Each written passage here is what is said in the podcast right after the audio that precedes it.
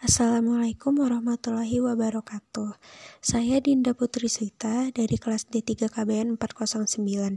Di sini akan membahas tugas pertemuan 6 praktik penatausahaan bendahara saya. Yang pertama adalah jelaskan tahapan-tahapan proses instalasi aplikasi yang digunakan bendahara penerimaan satuan kerja Kementerian Lembaga. Nah, yang pertama kita harus mendownload aplikasi SAS. Kalau di GCR ada 4 aplikasi yang harus kita download. Nah, kemudian install aplikasi Silabi dan update SAS untuk memunculkan shortcut aplikasi Silabi, lalu run as administrator. Kedua, file installer yang harus diinstal ada empat. Yang pertama aplikasi SAS versi 20.00, kedua update SAS 20.03, ketiga backup data atau BAC-nya, dan yang keempat adalah database SAS 2020 versi 20.00. Versi aplikasi yang kita gunakan adalah versi aplikasi yang 2003. Nah, username yang digunakan bendahara penerimaan untuk masuk adalah admin dengan passwordnya juga admin. Setelah memasukkan username dan password yang harus direkam, bendahara penerimaan adalah BPN, nomor KPPN, satker, dan isi form yang minta diisi lalu disimpan. Nomor 5, agar target pendapatan DIPA bisa masuk ke aplikasi, langkah yang harus kita lakukan adalah yang pertama, kita memilih RUH penerimaan pada menu bendahara penerimaan.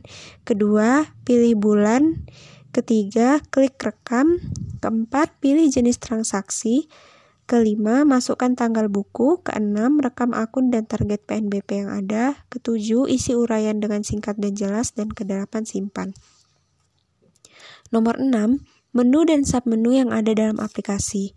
Nah, ada 5 menu yang ada dalam aplikasi ini. Yang pertama adalah bendahara penerimaan. Submenunya setting bendahara penerimaan, saldo awal, RUH transaksi, laporan, dan posting. Yang kedua referensi atau menu untuk merekam. Submenunya adalah pejabat, alamat, satker, KPPN, rekening bendahara, dan kurs.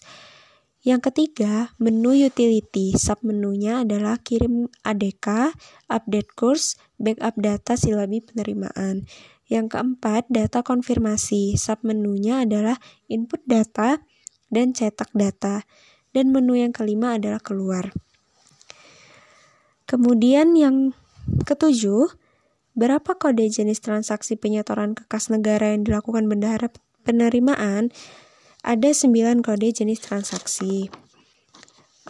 Nomor 8, agar berita acara pemeriksaan kas dan rekonsiliasi dapat dicetak, langkah yang harus dilakukan adalah yang pertama, kita mengklik bendahara penerimaan, kemudian klik laporan, lalu berita acara.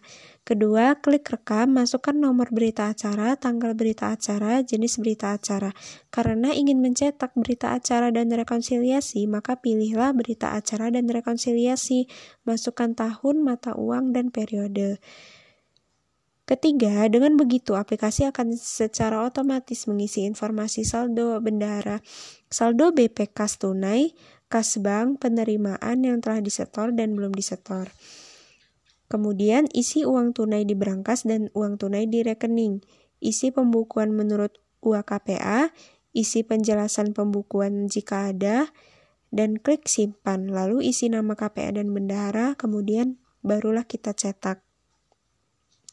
Untuk mencetak LPJ bendahara penerimaan, kita tidak perlu menginput transaksi terlebih dahulu karena informasi pada laporan pertanggungjawaban akan otomatis terisi, mengambil dari berita acara pemeriksaan kas dan rekonsiliasi, sehingga kita tinggal mencetaknya saja.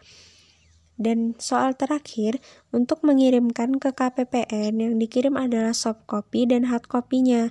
Untuk soft copy atau ADK, langkah-langkahnya adalah yang pertama kita mengklik utility. Kedua, kirim ADK LPJ. Ketiga, pilih bulan, tahun.